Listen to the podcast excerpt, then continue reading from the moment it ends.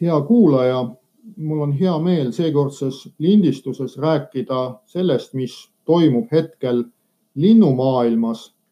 ja praegu on siis selline aeg, kui toimub siis hanede läbiränne.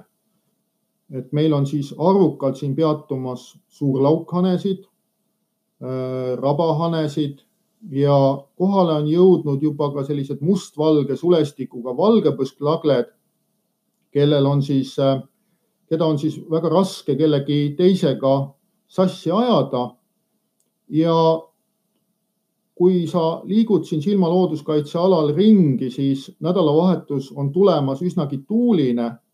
et võib-olla see hanede vaatlemine põldudel ongi siis üks selline selle nädala lõpu eriline elamus. Ja nende hanede jälgimisel tasub siis kindlasti seda silmas pidada, et kui nad on tee ääres või nad on kuskil põllul mitte väga kaugel siis teest, siis mitte jääda äkitselt autoga seisma ja kindlasti mitte kohe välja hüpata autost, Äh, selle peale siis haned lähevad lendu ja, ja sellel kevadel peab ütlema, need haned on üksjagu kartlikud.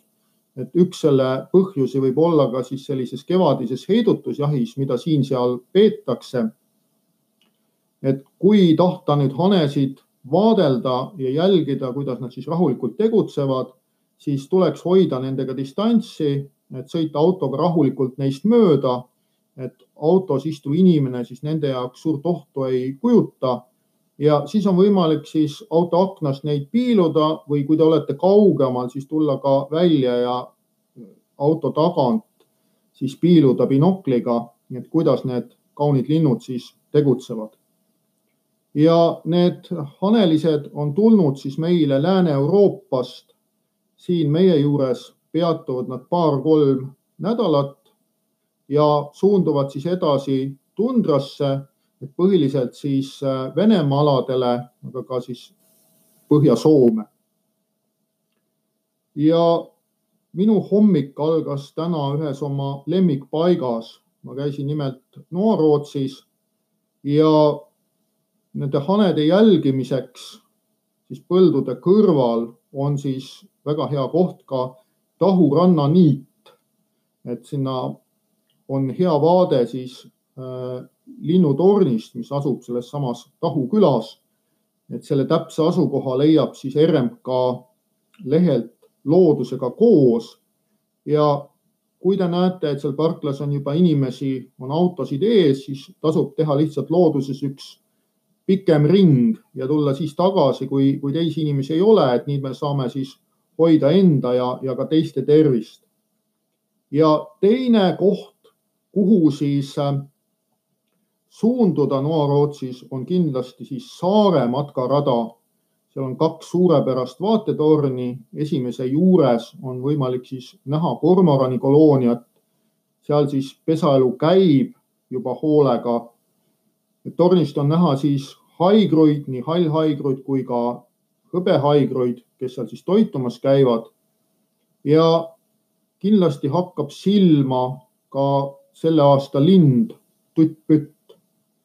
ja kellel siis nüüd looduses ei õnnestu seda tuttpütti kohata äh, looduskaitsealal, siis tasub sammud seada Haapsalusse, Haapsalu promenaadil või väikese viigi ääres, seda lindu kindlasti näeb.